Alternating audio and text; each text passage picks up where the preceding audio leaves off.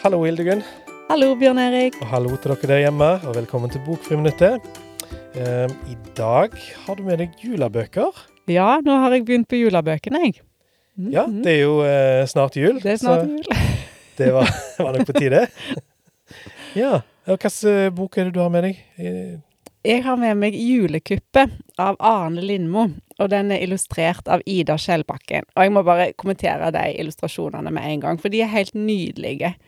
Det er altså nesten som fotografier. De er varme og fulle av detaljer og masse julelys og skikkelig god julestemning. Ja, så de er flotte.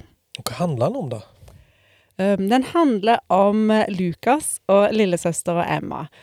De er foreldreløse, og de har rømt ifra fosterforeldrene sine, for der var det ikke noe særlig å bo.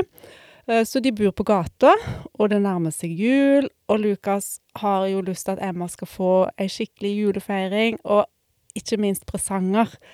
Eh, og så er det ikke så lett å få tak i presanger når du ikke har penger å kjøpe presanger for. Da, så dette er jo litt eh, Det er litt sårt. Men så får han høre om en mann som heter Gregor Twist. Han er en gammel mann som bor på ei øy helt for seg sjøl, eh, og folk er redde han. Han har et gevær, og folk snakker om at det bor monstre på den øya. Det er litt sånn mystisk.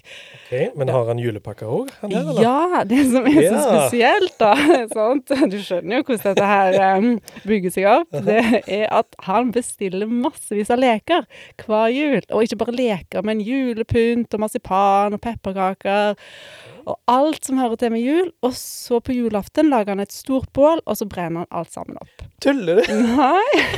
Hvorfor gjør han det? Ja, nei, og jeg kan ikke si hvorfor han gjør det. Ja, oh ja, okay. Nei, nei, nei, da røper jeg uh, for mye. Men jeg kan si at uh, Lukas får jo en idé, og det er jo at uh, han må komme seg ut til denne øya for å ta disse presangene før de blir brent opp. Altså, det er jo ikke å stjele, det vil jo uansett bare bli brent opp. Så han kan jo få tak i noen av disse gavene og gi til Emma. Eh, så sammen med Karoline um, og Malik, som òg er foreldreløse, de bor i en båt.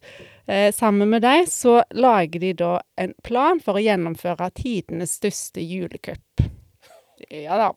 Men nå kan jeg ikke røpe mer. Kan ikke si hvordan det går.